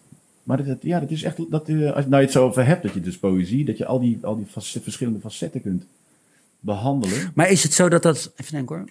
Is het misschien ook zo dat het, dat is wel, ik, ik weet niet hoe de muziekwereld werkt, maar is het in hokjes ingedeeld veel meer? Dus dat je eigenlijk gewoon niet zo snel buiten je eigen territorium... Nou, dat, dat was wel vroeger zo. Weet je dat nog kon herinneren? Weet je, in de jaren na 7 had je dus Amsterdam, Hilversum. ja, ja, ja. Dat waren echt twee, dat was echt een enorme verzuiling. En Ja. ik denk door Benjamin Herman bijvoorbeeld zijn die, zijn, dat, zijn die, zeg maar, die verschillende stijlen steeds meer met elkaar Ja, verweven geraakt. Weet je? Ja. Dat was ook normaal. Je kon gewoon rustig de ene dag met ICP spelen en de andere Ja. dag met Rita Reis bijvoorbeeld. Dat waren de grootste tegenpolen ongeveer. ja precies. Ja, ja. En in- inderdaad, iemand zoals met, maar dat, dat had je wel, ja. Dat heb je in die klassieke muziek ook. Weet je, je hebt die alleen maar, ah, dus oude muziek heet dat, barokmuziek. Of die alleen maar, eh, nou, die zich zijn hele leven lang op bepaalde eh symfonieën stuk bijten. Dat Ja. heb je misschien wel, ja. Maar Nou ja, volgens mij had je in, in toneel had je eh, die waterscheiding ook heel sterk Ja, vroeger. ja. Dus, dus, dus la- vroeger, vroeger, jaren weet ik veel, 50, 60, misschien ook nog 70, had je toneel, ja, acteurs die van toneelscholen kwamen. Ja. Want dat was ook vaak eigenlijk de enige route om op dat podium terecht te komen. Dus een klassieke toneelopleiding, dat is nu ook echt wel veranderd. Je hebt particuliere opleidingen, je hebt mensen die vanuit soaps binnenstromen. Het, is, het, is, het, het werkveld is veel breder geworden in die zin. En vroeger kreeg je dan een, een, een aanstelling, hè, een engagement bij een gezelschap. En dan was dat eigenlijk je toekomst. En dan Dan zat je zat, de je eerste, gewoon, dan zat je gewoon de, de rest van je leven bijna. pretty much. En dan zat je de eerste tien jaar achter in de bus. En dan langzaam schoof je naar voren. En dat gold dan ook voor je plek op toneel. Zeg maar. Dus dat was in die zin heel duidelijk ingedeeld. En, en nu is dat heel anders. En ook nou ja, wat ik je er straks vertelde van bij mij op de opleiding. ehm, dus ik zat halverwege de jaren negentig op toneelschool in Arnhem. Was echt een soort, ja... eh, Het was heel erg een, een, een tijd van collectieven, van makers. Weet je, wel? je Ja, moest je ja, eigen stem vinden, je eigen authenticiteit. Dat was belangrijker dan dat je eh, eh, alleen maar heel braaf Tsjechov of Ibsen Ja, of Shakespeare ging doen. ja, ja. Dus je zag veel zelf bij elkaar gefabriceerde voorstellingen. Nou, het kon geweldig uitpakken. Of dat je dacht, nou, doe maar niet. Probeer het nog eens. Eh, en dat is prima, want dat is allemaal dat proces van je eigen stem vinden als theatermaker. Maar dat was ook wel zoiets typisch. Iedereen noemde zich toen theatermaker. En zei niet van, ja, maar ik wil alleen acteur worden. En dat had ik bijvoorbeeld. Oh ja, ja, ja. Ik, ik, ik dacht, ja, theater... ze vonden het belangrijk dat ze hun eigen stem of hun eigen stem... Ja, dat was blijkbaar een, een weet ik veel, een prestigieuzer label. Dus en ook, Jij was meer van het ambacht dan, of niet? I- zeker in die dagen. Ja, ja. En ik keek ook gewoon nergens op geen enkele ervaring neer. Dus ik vond het heel eigenaardig dat er dan op de school al, weet je, in zo'n vroeg stadium, gewoon Ja. tijdens je opleiding nog, dat de mensen zeiden die, ik ga nooit voor televisie werken, of ik ga nooit voor Joop van den Ende werken, of musicals, nou, gooi er een bom op. En niet dat musicals mijn ding is, maar daarbij aangetekend, ik kan het ook niet. Ik Ja. kan niet wat zij kunnen. Ja. Dus ik heb er wel respect voor, Ja. snap je? En ik vind het heel raar om dan zo vroeg al eh, dingen uit te sluiten, gewoon van jouw eigen ervaring Ja. in, in, dat is in, heel herkenbaar. Dat is heel herkenbaar in het werkveld. Ik vind dat heel raar. En ik vind dat ook dat eigenlijk best wel slecht voor je creativiteit. Om, om jezelf zo vroeg stadium zo vast te leggen. En, en de deuren dicht te gooien. Ja, dat is inderdaad dat is heel herkenbaar. Je hebt mensen die er zich alleen maar bebop willen spelen, weet je. Alleen maar de muziek van 19, ik noem wat, 47, Ja. 63 en daarna, daarvoor Ja, niet. good je, luck. sluit je alles uit. Ja. maar dan sluit je ook alles uit. ja. Ja, dat is heel herkenbaar, ja. Maar Ja. dus, het- en denk je nu de nieuwe generatie acteurs? Volgens mij is dat veel breder. Ja, dat is nu ook bij ons Die, ook, die, ja. die, die switchen veel meer tussen, tussen toneel, tussen eh, eh, eh, film, televisie. Ze zijn er ook gewoon beter in geworden. Ook omdat, dat hoor je overal, hè, dat het, het niveau van, van, zeker ook van Nederlandse film, is echt, heeft een enorme imago-boost gehad de laatste tien jaar. Er Hoe is het echt bij jullie eigenlijk? Weet je, bij ons komt het- de jazz die wij spelen, komt natuurlijk gewoon het grootste gedeelte uit Amerika. hè? Met, Ja. met, hoe is het met acteren? Daar is dat niet per se. Kijk je dan meer naar Nederlandse acteurs? Of zijn er ook Amerikaans of Duits of wat dan? Mm. Acteurs jouw jouw jouw voorbeeld? Word je daar nog, hoe zit dat Nou ja, dat is een goede vraag. Ehm, nou kijk, de- vooropgesteld dat natuurlijk de Amerikaanse markt zo dominant is. Weet je, dat, dat bepaalt gewoon heel veel van wat er in de bioscoop gereleased wordt en wat je op televisie ziet. Dus, en daar zitten waanzinnige acteurs en mooie producties tussen. Maar je moet inderdaad ook wel verder kijken. Dus hoe leuk is het om dan een hele goede Franse acteur of een Duitse acteur te leren kennen. Ik ben zelf heel erg dol op Engelse acteurs en de Engelse school van acteren. Omdat dat wat minder bewijzerig is dan die Amerikanen. Weet Oh, je, ja, die. Amerikanen soms wel erg... Uitzonderingen daar gelaten, maar eh, in your face, weet je. Hun, nou, hun best doen dat ze heel intens en heel method zijn Ja, ja, en het ja. allemaal heel erg En menen. welke, welke, welke Engelse acteurs ben je dan gek van? Ja, dat- dat kan van Anthony Hopkins zijn Oh, tot, tot die fantastische acteurs van series als The Crown en zo. Ja, ja. we- we- Er zit een soort een gemak in, in hun techniek. Weet je, het is een heel vanzelfsprekende techniek. En niet iets wat me, dat, dat ik, dat er voortdurend bewezen wordt van, kijk eens mij mijn best doen. Ja. Nee, het is, eh, is, het is Michael Caine en zo, weet je, dat soort mensen. Het is Ik gewoon... vind ook vaak bij, wel vaak bij Engelse films, daar zitten gewoon mensen die je helemaal niet kent, maar dat zijn acteurs. Ik denk, hoe is het mogelijk? Ja. Dat, dat, dat die gewoon, zijn dat echt, je denkt echt dat je naar iets... Nou, dat. En ook als je het hebt over musicaliteit en over accenten. Dat is niet normaal. Als je, eh, de, de, de, de spoeling is zo eh, enorm in Engeland. Ja, ja. Er zijn zoveel verschrikkelijk goede acteurs, Acteurs, lopen daar rond. En die moeten ook allemaal, als ze van die toneelscholen afkomen... moeten ze wel 10, 15 regionale accenten beheersen. Oh ja, ja. Nou, dat is echt wel wat anders. Ja, ja, ja. En die heb je ook daar ook allemaal. Ja, ja. Ik bedoel, je hebt je natuurlijk ook Twents en, en weet ik veel. Oh ja, is dat dan eh, op, op, eh, op theaterscholen wordt dat dan vereist? De, de Of- cultuur, nou ja, dat, dat trainen ze daar. trainen? Ja, ja, precies. Dat trainen ze daar. En daar heb je Dat natuurlijk ook veel meer regionale theaters. Ja. Dat hebben wij hier niet. Nee. Bij ons is het gewoon sinds het spreidingsding van de jaren zeventig. Je gaat iedereen op tournee. Dat is het verdienmodel. Ja. Dus je gaat met jouw toneelstukje ga je het land door. En hoe is het dan met je collega's houden? Heb je dan ook dat eh, sommige acteurs alleen van Amerikaanse eh, acteurs houden? Of is Ja, er zijn er wel die dan echt bijvoorbeeld met een bepaalde Amerikaan of zo, weet ik veel, weglopen Ja, of ja. zo, weet je. Of, of die er een broertje dood aan hebben. Ik had een keer een discussie met, nou overigens met Jaap Spijkers, die, die ik echt bewonder. Dat vind ik een fantastisch eh, collega ook, een heel erg prettig mens. En die, die, die, die, die, die walgde een keer van Daniel Day-Lewis. Omdat Oh, hij ja, ja, ja. over hem hoorde van ja, maar dan ook op de set houdt hij het vol. En hij blijft maar in die rolstoel zitten. En Oh, ook bij de lunch. En, en, en al- alle mensen van op de set moeten hem in die rolstoel Oh, over de kabels heen tillen. En nou ja, die had daar, op dat moment had hij daar een mening over. Nou prima, dat mag, weet je wel. Alleen ik dacht, ja, als, als Daniel Day-Lewis het nodig vindt... of het is het spelletje voor hem, ik weet niet wat hem bezielt... Om het op die manier te doen. Ja. Als dat een soort voorwaarde is voor hem om tijdens dat project op die manier te werken... Ja, gun hem zijn... Ja. zijn Gaat hij dan thuis ook in zijn rolstoel rondrijden? I don't know, man. ja, wie weet, wie weet. weten. Nee, maar dan, ik bedoel, eh, gun iemand zijn excentriciteit, Ja, weet je ja. wel? Of, of, of de- laat hem doen wat hij nodig heeft. Anderen hebben het... Het is, het is dat klassieke verhaal van, eh, wat is het? Laurence Olivier en Dustin Hoffman. Weet je wel, Marathon Man. Wat dan? Dustin Hoffman moest spelen dat hij uitgeput, angstig, paranoïde... Weet je die was helemaal van het padje af. I drill until I reach the pulp. Exact, Ja, ja, ja, ja, ja. precies. Is het safe? Ja. Ja, die. Ja. Dus Hofman een hele nacht niet slapen. Daarna vier blokjes rond die studio rennen. Helemaal buiten adem. Dus die komt daar aan. Gewoon een kwartier voordat ze shot. En die, eh, voordat, ze, voordat hij eh, weet het, ge- geschoten wordt. En Laurence Olivier kijkt hem alleen maar aan en zegt... Why don't you try acting, dear boy? Dus dan zie je echt heel erg twee werkopvattingen. Ja, ja, Je ziet die, die Engelse, weet je, gewoon van... Doe normaal. Je kan dit gewoon. Ja, ja, dit doe je gewoon. Speel het. Ja, het speel het, het, ja, het ja. is er al, weet je. Gebruik je techniek en overtuig ons. Versus, eh, toen althans, toen de tijd, de Amerikaanse opvatting van je best doen en hard werken en je moet het voelen. je moet het personage worden. Echt typisch Engels.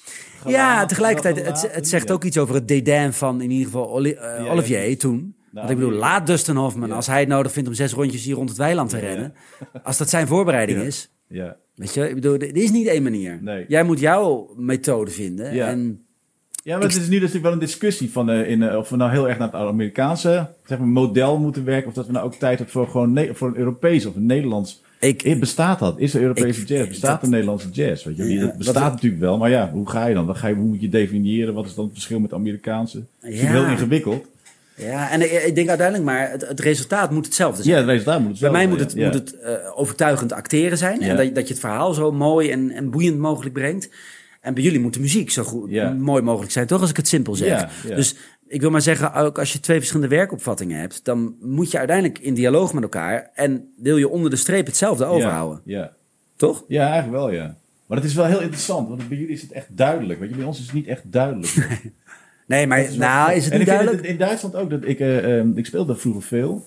En dat je dan in eh, de filmindustrie in Duitsland sowieso, ik geloof dat 60% van alle films die in de bioscopen gedraaid mogen worden, dat dat Ja. Duitse producties moeten zijn. Oh ja, en in Frankrijk soort... heb je bijvoorbeeld ook dat, eh, noem maar wat, 70% van de, eh, van de op jazzfestivals van de muzikanten moet gewoon uit Frankrijk komen. Oh, serieus? Weet je, dus je hebt daar een hele... Een soort eh, quotum. ja, dat is een soort quotum. Ja, dat Ja. zijn heel veel voor- en heel veel nadelen aan ook. ja, ja, Maar ja. één ding vind ik dan wel dat je dan inderdaad een soort duidelijke Franse scene creëert. Weet je Dat wel. Of een duid- ik weet niet, ja, in, Nederland heb je dat eigenlijk niet. Met de jazz, een- nee? Heb je dat Ja. Nee, het is toch wel moeilijk om je broek op te houden voor een lange Ja. tijd. Weet je, waar we het net ook over hadden. Om gewoon, eh, kijk, want Benjamin en ik, wij spelen natuurlijk al 30 jaar. Ja. Maar om dan 30 jaar lang je broek op te houden, dat is, dat is lastig.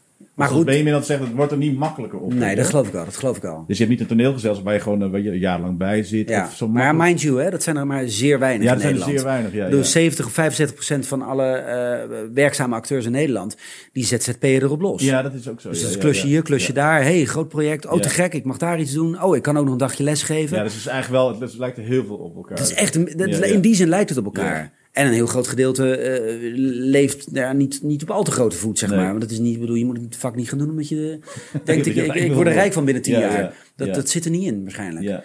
Dus, dus daar zitten volgens mij wel parallellen. En ook, ook het feit dat je, dat, je, nou ja, dat je andere mogelijkheden aangrijpt. Dat je les gaat geven. Dat je, dat je... Nou ja, of hier met die kerk, weet je, dat hier met concerten. Dat, dat, Te gek. dat- Ja, nou, je gaat ook je eigen ja. werk creëren. Dus het, het, het, het roept ook, kan ik me voorstellen, iets van creativiteit in je op. Ja. Om zelf dingen af te dwingen. Nou ja, of kansen. Heb je dat, heb je dat ook? Bijvoorbeeld toen we hier kwamen wonen, de, Mhm. de kans met die kerk, want die stond hier gewoon leeg. Toen dacht ik, nou, ik ga gewoon concerten organiseren en die festivals. Ja, maar die kans moet je wel zien. Ja, dat is. Als jij een beetje anders in elkaar had gezeten, had je nooit in die kerk... eh? Nee, dat had ik niet gedaan. dan had je zitten mokken thuis eh, Ja. met, je, met, je, met je koffiezetapparaat van... eh, ze bellen me niet. Nee, maar heb jij dat dan ook bijvoorbeeld met kansen? Zou je dat ook willen doen? Dat je dan, of een eigen groep? Of Je weet wel. Nou, ik, ik, ik heb nu wel te gek. Nou, eigen groep zou ik niet willen. Nee. Nee. want ik bedoel, ik hou echt wel van toneel, maar ik zou daar niet fulltime mijn aandacht en tijd aan willen geven. Daarvoor vind ik film en televisie ook te leuk. En ook andere dingen. Bijvoorbeeld, ik was vorig jaar bij een heel erg te gek jazzconcert van de New Rotterdam Jazz Oh Orchestra. ja. En na afloop raakte ik in gesprek met Miguel Boelens, de, Oh ja, ja, de saxofonist, saxofonist, ja. precies. En daar is nu, er dreigt nu een, een soort kleine samenwerking Oh, uit te ontstaan. man. Te gek hè. Ja, dus ik ben een soort tekst aan het samenstellen, Was schrijven. er ook met Dirk Otte hebben ze ook wat gedaan? Ja, en nu eh, aanstaande donderdag is de Scapino livestream. Nou, en wij zijn dus iets van plan voor eind augustus, 21 augustus. Leuk man. Wat gaan jullie doen dan? Nou, ik, mag je ik, niet zeggen? Ja, ik denk het wel, weet ik eigenlijk niet. Wanneer zo, wanneer zo podcast. we hebben, ik heb een aantal thema's voorgesteld om het over te hebben. Eh, waar we elkaar zeg maar, kunnen, kunnen raken. Ik met teksten, zij met muziek. En een van die thema's hebben we nu gekozen. En dat is sterfelijkheid en de dood. Dus ik ben daar teksten over aan het verzamelen. Het kan poëzie zijn. Het kan ook, ik hou ook heel erg van wetenschappelijke teksten. Maar ik wil ook gewoon echt meer drama erin creëren. Nou, dus ik ben daar een soort tekst aan het samenstellen. Je zou het met een beetje goede wil een libretto kunnen noemen. Ja.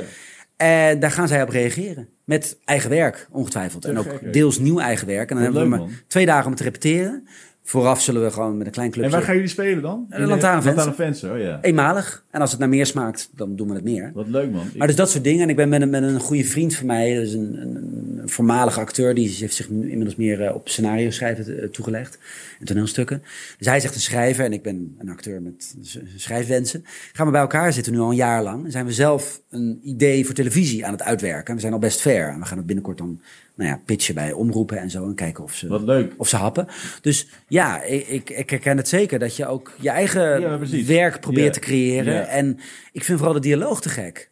Zoals het te gek is om jou nu te leren kennen en met elkaar in gesprek te raken. En te zien waar er wel draag, hoe zeg je dat, draagvlakken? eh, Ja, raakvlakken. raakvlakken Ja, ja, ja. zijn, waar niet.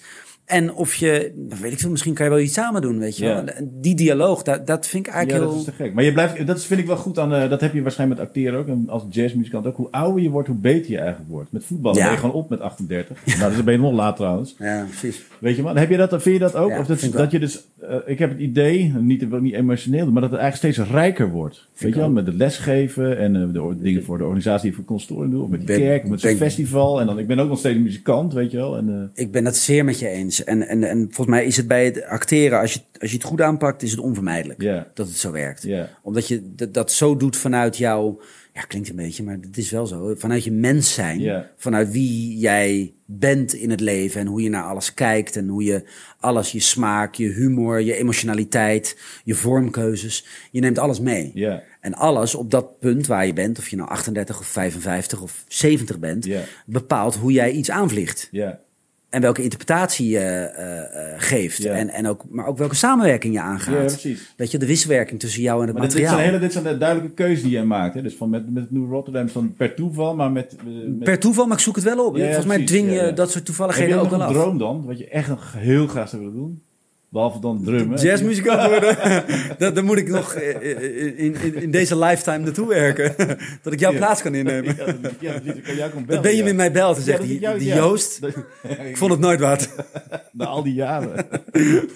nee, maar ook al wel op acteergebied? Heb je dan nog echt Nee, een droom? Of een dat- Hollywoodfilm? Of, Nee, eh, nee, nee, nee. Nee. Nee, ik bedoel, ja, te gek hoor. Ja. Ik zeg nou nee alsof ik het niet zou willen. Ik bedoel, Ja. leuk als... Ja. Maar daar daar- ik Dat werk er geen niet... droom. Nee, nee. Nee, ik werk er niet naartoe, snap je? En eigenlijk is het ook zo dat ik vijf jaar geleden...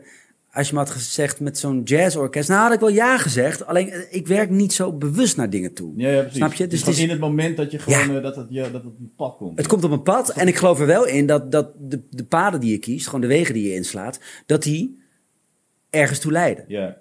Ja, en natuurlijk. of dat nou ja. volgende maand is of over twee jaar... Ja. Ik heb geen idee. Wie weet bel ik jou over drie jaar... En dan heb ik een topidee. Ja. En daar heb ik een slagwerker voor nodig. Ja, en dan bel ik jou en zeg ik, Joost, ben jij nog iemand? Ja. ik heb echt iedereen gebeld. Ja, Ben jij anders beschikbaar? Maar dus ik, ik geloof er heel erg in dat het, dat het zo werkt. Dus. Dus, dus jouw pad dwingt dingen af of brengt dingen op je pad. Maar ik werk niet volgens een soort lijstje van... oh, ik zou nog een keer zo'n rol... of ik moet nog een keer de Hamlet spelen... of waarom belt Hollywood? Nee, ben je gek. Nee, nee. Daar, daarvoor ben ik ook te druk. Ja. Ik reageer veel te veel al op mijn agenda... en Ja. op wat er de komende maanden gepland staat. want je kijkt eigenlijk, weet je, dat heb je op de consortium ook. Ze willen natuurlijk allemaal, ze kijken, oh, ik wil graag net als die drummer worden. Ik wil net Martijn Vink, ik wil dat, dat. Maar Ja, ze kijken eigenlijk helemaal niet goed, weet je, naar zichzelf. Wat er in je leeft. Ja, wat, wat, wat, wat kun je goed of zoiets. Ik had ben denk- ook, volgens mij zijn wij daar ook, hebben wij ook daar een raakvlak. Ja. ik ben ook zo, ik kijk, oh, dat kan ik wel. Ja. Ik kan wel de hele dag gaan kijken wat ik allemaal niet kan. Maar ik moet natuurlijk wel studeren om toch wel iets van daar mee te krijgen, weet je. Maar ik ben heel erg ook van, eh, ik, wil, ik wil dit geval, maar ik kan gewoon organiseren. Ik ga gewoon dus een concert beginnen, bij mij te schelen. Dat bedoel ik. En ik had ook het geluk toen ik net naar de toneelschool... Toen wilde ik heel graag bij het Onafhankelijk Toneel in Rotterdam. Oh ja. Een gezelschap wat ik toen destijds heel erg bewonderde. Dat wilde ik graag spelen een keer. Nou, dat lukte binnen het jaar nadat ik afgestudeerd was. En ik wilde in een film spelen. Dat was echt mijn droom. Ja. Ik ben ooit dit vak begonnen omdat ik gewoon helemaal gek van film ben. Van cinema. Nou, toen kreeg ik een eh, mooie rol, prima rol, in een grote televisiefilm. Dus in zekere zin, bedoel, je kan natuurlijk altijd nog streven naar meer en verder en groter. Maar kan je zeggen, ik had twee grote dromen binnen het jaar. Ja. afgevinkt. Ja. En dat vond ik leuk, want dat gaf mij het vertrouwen van... oh, wacht eens even, deze eh, route, dat hele toneelspelen... is misschien best wel een begaanbare route. ja. Er zit misschien wel, nog wel meer in het vat. Maar daar had je eigenlijk helemaal niet zien aankomen, of wel? Ik wist het gewoon niet. Nee, je weet het niet. ik heb nooit zo heel verder Nee, dan mijn neus lang is gekeken. Ja. Ik ben wel ambitieus, maar de, de ambitie zit er meer in dat ik dat wat ik doe heel goed wil Ja. doen. En daar wil ik bijzonder in zijn. Maar ik denk niet eh, in een soort termen van een vijfjarenplan. Nee. Van dan wil ik dat bereikt Ja, hebben. Of dan moet die gebeld hebben. Maar hoe was het dan bijvoorbeeld naar de toneelschool? Want dan moet je natuurlijk zo'n auditie doen. En als, deed je daarvoor al heel veel toneel of ging je gewoon naar de toneelschool? Ik, ben, ik, ben, eh, ik, ik deed... Ben je op school, de middelbare school? Op Ja, deed ik wel mee. Weet je wel, dan, dan ben je eh, ja, de, gekste op het podium, weet je wel. Dan, dan, eh, ja, dan val je op. Ja. Ook omdat je wel wat kan. En je, je, je durft het en je kan het en zoiets. En dan ga je naar de toneelschool en dan zie je hoeveel je nog moet leren. En dan moet je eigenlijk weer from scratch beginnen, wat ook heel gezond is. Ja. En, ja, en daarna ga je aan de slag en dan ga je opbouwen. Ja, maar moet je dan... Ja, dat, ik had ook wel... Toen ik... eh, ja, Harry Moeders, ik wil mezelf helemaal niet met Harry Moeders vergelijken. Doe Die maar. Zei, die, Doe het gewoon. goed voor je. Nee, die zei een keer van... eh, ik kwam, die wilde eigenlijk heel iets anders studeren. En die zei, ik kwam er eigenlijk achter dat ik talent voor schrijven had. Oké, Weet je wel, dus ik, ik zat op school bijvoorbeeld met heel veel eh, studenten die dus al jarenlang bezig waren met dat spelen. Weet je wel, Hmm. die eens had cello gespeeld voordat hij jazzpiano ging doen of van alles wat. En heb je, ken, ken je dat ook? Dat. Jawel, eh, uit, eh, niet zelf, maar wel bijvoorbeeld een, eh, een, een, een, een meisje uit mijn klas op de toneelschool. Die had het echt best wel moeilijk gedurende die vier jaar opleiding. En die, die, die was echt ongelukkig. Ze kon haar eigen stem in dat spelen niet vinden. En dat is echt een heel goede schrijfster geworden. Oh, dat is ja, Marijke ja, ja. Schermer. Die heeft echt meerdere boeken geschreven nu. En die heeft helemaal daar haar stem in gevonden. Ja, te gek. Eerst via toneelschrijven en regisseren. En later dus via eh, eh, ja, romans, eh, proza schrijven. Dus dat, het, soms kan een opleiding of zo'n fase in je leven ook heel erg vormend daarin zijn. Ja, precies, precies. Dat je voelt van ja, maar ik heb heel veel raakvlakken hiermee. Alleen het is niet helemaal mijn ding. Ja. Weet je wel? Maar bij jou wel, was het wel gelijk? Ja, Was wel helemaal... nee, maar dat was heel duidelijk. Ik wilde echt altijd, en dat heb ik nog steeds. Ik, ik vind het een waanzinnig vak. Ja. Ik ben ook heel, ja, klinkt zo, maar ik ben ook echt trots om dit vak te mogen Moet je doen. ook echt dan leuren? Zo'n, bijvoorbeeld zo'n rol met Pim Fortuyn die je gaat doen. Word je daarvoor gebeld of moet je dan echt audities Ik, ik heb, daar heb ik wel auditie voor gedaan. En dat ging heel goed. En toen ben ik trouwens als Pim Fortuyn ook auditie gaan doen. Echt Oh, ja. met een kale kop en met een, met een pak en zo. Maar toen hoorde ik na de hand dat ze...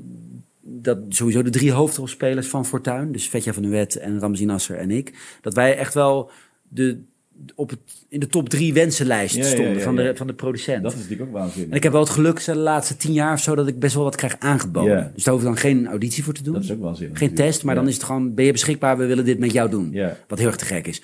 Eigenlijk al mijn toneelwerk krijg ik zo. Al heel lang. Ja, is het, maar het is niet gebruikelijk, of wel? Of je zit gewoon in een poeltje van acteurs. Ja, dat... eh, ik heb wel dat geluk, zeg maar, Ja, dat, dat ik in, dat, natuurlijk- ja. in zo'n poeltje zit. Ja. Maar het kan nog steeds gebeuren, hoor. Dat je het wel moet testen. Ook omdat een regisseur wil zien van wat is...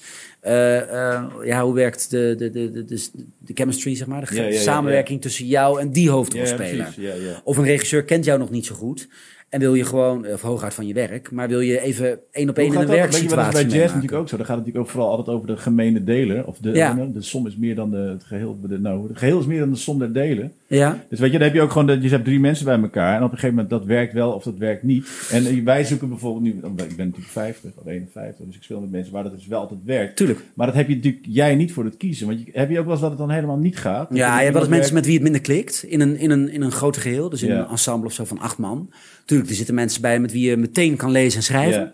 En dat je denkt, ja, die heeft hetzelfde... Maar dat het ook echt niet gaat, bijvoorbeeld, dat je dan denkt, oh, nou, Nee, want- dat weet zo'n regisseur dan wel. Ja, Die en die, de die, mensen daar wel op uit. die stuurt iemand dan ook wel bij, zeg Ja, maar. ja. Je hebt het vrij snel in de gaten wat voor temperament je allemaal hebt in zo'n ruimte. Ja. En als je echt denkt van iemand gooit voortdurend zijn kont tegen de krip... of, of zit heel erg vast in wat hij doet... Ja. die moet even losgefrikt worden... dan zijn er wel manieren om dat te doen. Ja, En zijn er ook veel acteurs die van jazz houden eigenlijk? Goeie ik denk het wel. Maar ik, Jacob Derwig wel? ja, ja, precies. Ja. Die zat ook bij Okater. ja, dat is waar. Jij zet nooit een keer jazz op of zo als jullie ergens zijn. Wat zou er dan gebeuren? Wel in de bus of zo. Oh, in de oh ja? Ja, dat gebeurt wel. Eh, Jan-Paul Buis is volgens mij ook wel een, een, een liefhebber is een groot woord, maar iemand die, die het kan waarderen. Ja. Ehm, Nee, maar weinig vrouwen, joh. Er zijn weinig Is het vrouwen. zo? Ja, ik kan, ik, weet- echt, ik kan op niemand komen. Dit is ja, geen wacht even. Dat, is. nee, dat zei je ook in de podcast met, eh met Ja, Michiel. wij kunnen er niet op komen. Maar gaat het ook over muzikanten dus? Ja, die geen muzikant zijn. Oh, zo. Want er zijn natuurlijk wel vrouwen in de jazz, weet je wel. Maar gewoon vrouwen die geen muzikant zijn en toch gek zijn van jazz. Of niet toch? En die gek zijn van jazz. Ik ben even enorm aan het nadenken. Ja, moet je maar eens over nadenken. Wij konden niemand komen. Ja, Raar. dat is zijn vriendin dan, maar het eh, gaat niet echt van harte wat haar betreft. Ze moet echt vastgebonden worden. Vastgebonden worden. en dan zet er een plaatje op. Ja, dat kan ze gaan dan. Nee, dat, is echt, dat is echt een mannending is het ook. Wat gek. Ja, dat is gek hè? Als, als ik naar een jazzconcert ga, dan, dan is het niet zo dat, dat 90% man is. Of zie ik ja, dat dat weet ik dus niet. Ja, met het publiek, dat, denk ik, dat weet ik eigenlijk. Daar ga ik nou eens op letten. Dat komt ook door het conservatorium. Dat we nu bij Weet je, we hebben eigenlijk heel weinig meisjes gewoon in die opleiding. Kijk, op het North Sea Jazz al helemaal niet. Alleen dat is natuurlijk behoorlijk breed. Want Ja, dan kan je ook breed, ja, Mary J. Blige aantreffen of noem maar op. Maar ook als ik dan bijvoorbeeld naar, eh, naar Brentford Marsalis ga. Ja, ik twijfel nu hoor. Misschien zijn er toch wel ietsjes meer mannen. Ja, ik denk wel meer mannen, ja. Iets meer Maar mannelijke... ook op het podium zijn altijd mannen, hoofdzakelijk mannen. Ja, dat is waar eigenlijk. Het begint nu wel een heel klein beetje te komen. Dus weet je, normaal is het natuurlijk altijd de, de zangeres is van de vrouw altijd in de jazzgroep, zeg maar. Ja, wat ook gek is. Dat weet, is je, eigenlijk ook gek, ja. weet je wie te gek is? Diane Reeves. Daar Ja. ben ik dus een hele Ja. grote fan van ook. ja. Die vind ik echt niet normaal zo goed. Ja. Jezus. Maar gewoon straks, je, hebt Tineke Posma natuurlijk saxofonist, er zijn er wel een paar. Maar Ja. en, en qua bezoekers weet ik het eigenlijk ook niet. Ik ga ook wat meer kijken. In het, ik kijk eigenlijk nooit in het publiek. Nee, Dan gaan we eens kijken. Maar met acteurs dus ook. Weet je, die, die van jazz houden dus... nou ja, het is al veelzeggend dat ik nu al een paar minuten om het antwoord heen probeer te... Ja. Nee, eh, ik weet het eigenlijk ook niet zo goed. Nee. En ook oh, omdat je tijdens repeteren gaat het al gauw over... Ja, gewoon over waar je het over hebt tijdens het repeteren, weet je wel? Ja, dat is ook een beetje de bedoeling van deze podcast. Weet je? Om gewoon mensen een beetje nieuwsgierig te, een beetje aan te wakkeren. De interesse aan te wakkeren in jazz. Ik zou echt zeggen, ik bedoel, mijn tip erin is gewoon probeer het uit, weet je wel? Gewoon maak het jezelf gemakkelijk thuis met, met, een, eh, met een fijn flesje erbij. En, en, en wees geduldig ook vooral. Ja. Dus oordeel niet snel. Ja, niet, eh, gelijk aan de, als niet aan de verwachtingen doet, voldoet gelijk afzetten. Nee, en weet ik veel, als jij Ornette Coleman opzet en het is even na drie minuten is de, de heilige vonk nog niet overgeslagen.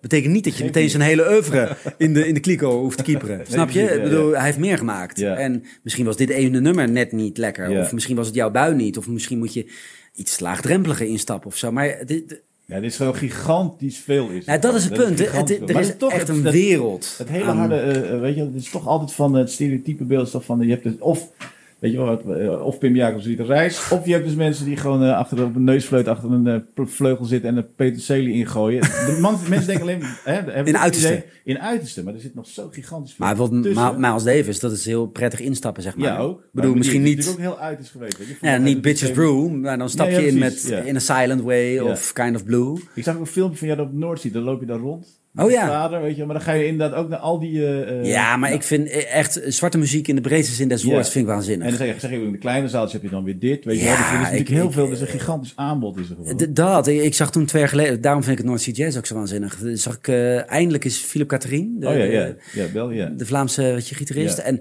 maar dat staat dan tegenover een D'Angelo. Ja, ja, precies. Weet je wel? En de Roots staat tegenover eh, eh, Cassandra Wilson, waar ik een groot fan van ben. Ja, Ja, dus voor mij is het gewoon echt ja van... zang, ben je gek op zang? Ja, ook. Ja. Ik hou heel erg van, van vocale jazz Ja. ook. En dan vind ik mensen Komt als... dat door die tekst ook misschien dan, als acteur? Nee, daar luister ik eigenlijk niet zoveel naar. Oh, Dat is heel gek. Nee, door Kurt Oh, ja. Elling ben ik ook meer inhoudelijk echt gaan luisteren. Omdat, Ja. omdat hij daar ook zo sterk in is. En omdat hij echt gewoon echt wat te vertellen heeft. En, en, en ook, ook poëzie inlast in zijn muziek en zo. Maar het, gaat mij echt gewoon puur om de klankkleur. En melodie. En wat, wat doet iemand met me? Wat doet iemands stem? Cassandra Wilson, als je die hoort. Nou ja, ik was betoverd Ja. meteen. Ja, dat is waanzinnig. Dat vind ik een soort... Ja. eh, Oh ja, maar dan luister je dus niet naar die tekst. Nee. Het is niet Dat- dat in tweede van, instantie. eh, je gaat niet thuis kijken, wat soms nou ook weer? Ik ga even die tekst... Wel, dat doe ik wel. Maar dat is Oh, ja, tweede ja. instantie. Ja, ja, precies. Gaat mij, maar ik bedoel, het is niet dat een, dat een goede tekst mij per se over de streep trekt. Ja, ja, Het begint bij de melodie. ja. En ook bij hoe het is, laten we zeggen, geproduceerd. Wat voor sound is het? Ja, Dus ik hou erg van zo'n zo'n natuurlijk organische sound. Ik vind het mooi als je echt zo de, de vingers op een basgitaar Ja, ja, hoort. En ik- Ja, ja, ja, ja. Weet je, gewoon de, de, de, de, het werk en de moeite. Dat vind ik heel mooi. Hey, en als je nou iets zou moeten laten, weet je, voor de, een stuk zou moeten kiezen, voor de jazzliefhebber en voor de jazzbeginner, wat zou je dan, heb je dat, weet je dat al? Weet je dat zo, Boe, nee. Want ik bedoel, ik weet niet zo goed. Nou ja, ik zou wel dingen weten of zo. wat zou je dan zeggen? Als je nou gewoon zegt, Maar ik weet niet wat, wat een jazzliefhebber, weet je, de ene zegt van ik wil Ja, nee, dat is zeg maar, gecompliceerde. met een geluisterd oor, of een geoefend oor. Als je in de bus, je zou in de bus met Oké, dan zou ik- niemand, die, dus niemand zit op die jazz te wachten. En Oké. dan ga jij, moet jij een stuk. Dan zou ik, als je zeg maar als dan voor misschien als je het wel vaker naar jazz hebt geluisterd, zou je bijvoorbeeld eens ehm, Charlie Mingus Ja, en dan, god, hoe heet het nummer ook alweer? Eh, Ja, zoveel. ja, er is zo'n hele goeie. Wij gebruikten hem een keer in een voorstelling. Wacht even, ik ga hem even. En voor de ongeluisterde... Track A, Solo Dancer. Solo dancer? Ja, hier van de, de, de, de Black Saint en de Sinner Lady. Black Saint and City. Die is echt prachtig. Sorry, en nog één keer solo. Dance even. Solo Dancer. Solo dancer. En het, he- maar het heet blijkbaar ook Track A. Track A. oké, track, ja. Track A, Solo Dancer. En dat is van de plaat The Black Saint en The Sinner Lady. Ehm, en voor als je, voor wat ik heel mooi vind, wat me echt altijd, ja, gewoon raakt, is Charlie Parker en dan All the Things You Are. Is dat met strijkers of zonder strijkers? Zonder. Zonder. Oké, heeft hij wat heeft hij ook een versie met strijkers? Ja, dan weet ik niet of hij dat... Ik denk het wel dat All Things Will Are. Hij heeft zo'n met, eh, met de strijkers eentje gemaakt. Dit is gewoon super simpel. Ja, Echt- ja, ja. Het heeft heel erg een homey feel. Gek Met ook een met een piano en zo. Het is zo mooi. dat zet ik er dan achter straks. Wonderschoon. Oh ja, leuk. Echt. Dus dat, dat zou bijvoorbeeld echt een heel fijn instap iets zijn. En, maar ook bijvoorbeeld eh L'Ascenseur Ja, precies. Ja, De ja. plaat, weet je. De Dat usual, ja, ja. is zo ontzettend sfeervol. Ja. En, En moderne dingen, waar luister je daarna? Als je echt zegt... ik vind eh Gogo Penguin Oh vind ik wel heel cool. Ja. En, en ook dat ik echt denk, wow, wat gebeurt dit? hier? Dat vind ik heel tof. Dat is ook wel leuk met het Rotterdam, uh, Nieuw Rotterdam Jazz Oosthuis. Die ook, dat is ook een beetje... Die zijn ook zo eclectisch. Ja, ja, precies. Het gaat Ja, ook ja. alle kanten op. En ook, dus dat vind ik heel fijn. En ehm, ja, even denken hoor. Ik heb heel vaak dat ik ook gewoon eh, iets lees en dan ga ik het gelijk downloaden. Van, oh, moet ik hebben. Ja, ja, ja, en dan ligt het als het ware op mijn digitale nachtkastje. En dan ga ik het allemaal nog eens Weet je inhalen. dat ook vinyl, vinyl cd's of Spotify? Nee, ehm, Streaming. het is eigenlijk veel meer streaming. Maar ik heb wel, bijvoorbeeld nu ook met die verhuizing, heb ik, heb ik zo verschrikkelijk veel cd's tegengekomen. En ik heb ook heel veel live-opnames. En dan zit ik wel echt in dubio van, oh, moet ik die allemaal gaan digitaliseren of zo? Want bijvoorbeeld zeker mijn Prince-opnames, ik heb heel veel live. Omdat ik dan echt vind dat artiesten vaak met alle Weg, kleuren ja, ja, ja, naar buiten komen. En dan denk ik, ik wil het allemaal wel bewaren. Weet je, Maceo Parker en zo vind ik ook waanzinnig, dat soort funk. Ja, ja, Dat precies. vind ik zo vet.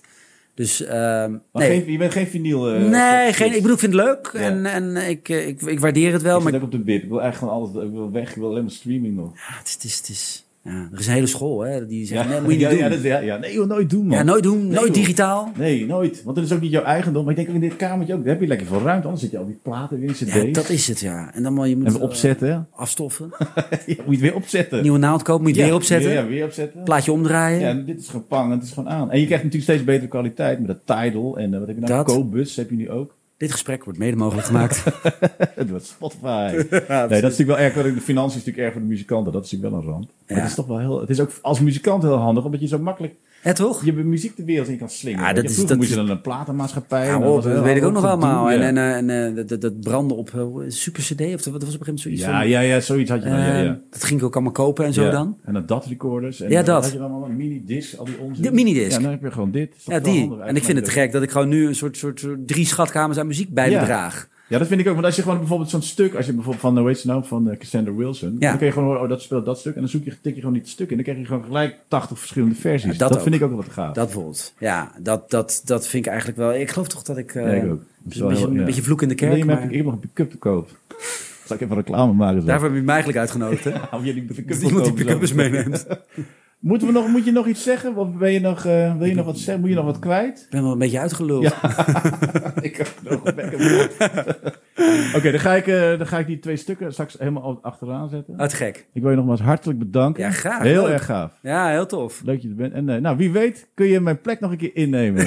Da- da- da- Daar doe ik het allemaal voor. Dankjewel. Dankjewel. Dankjewel. Dankjewel. Cool.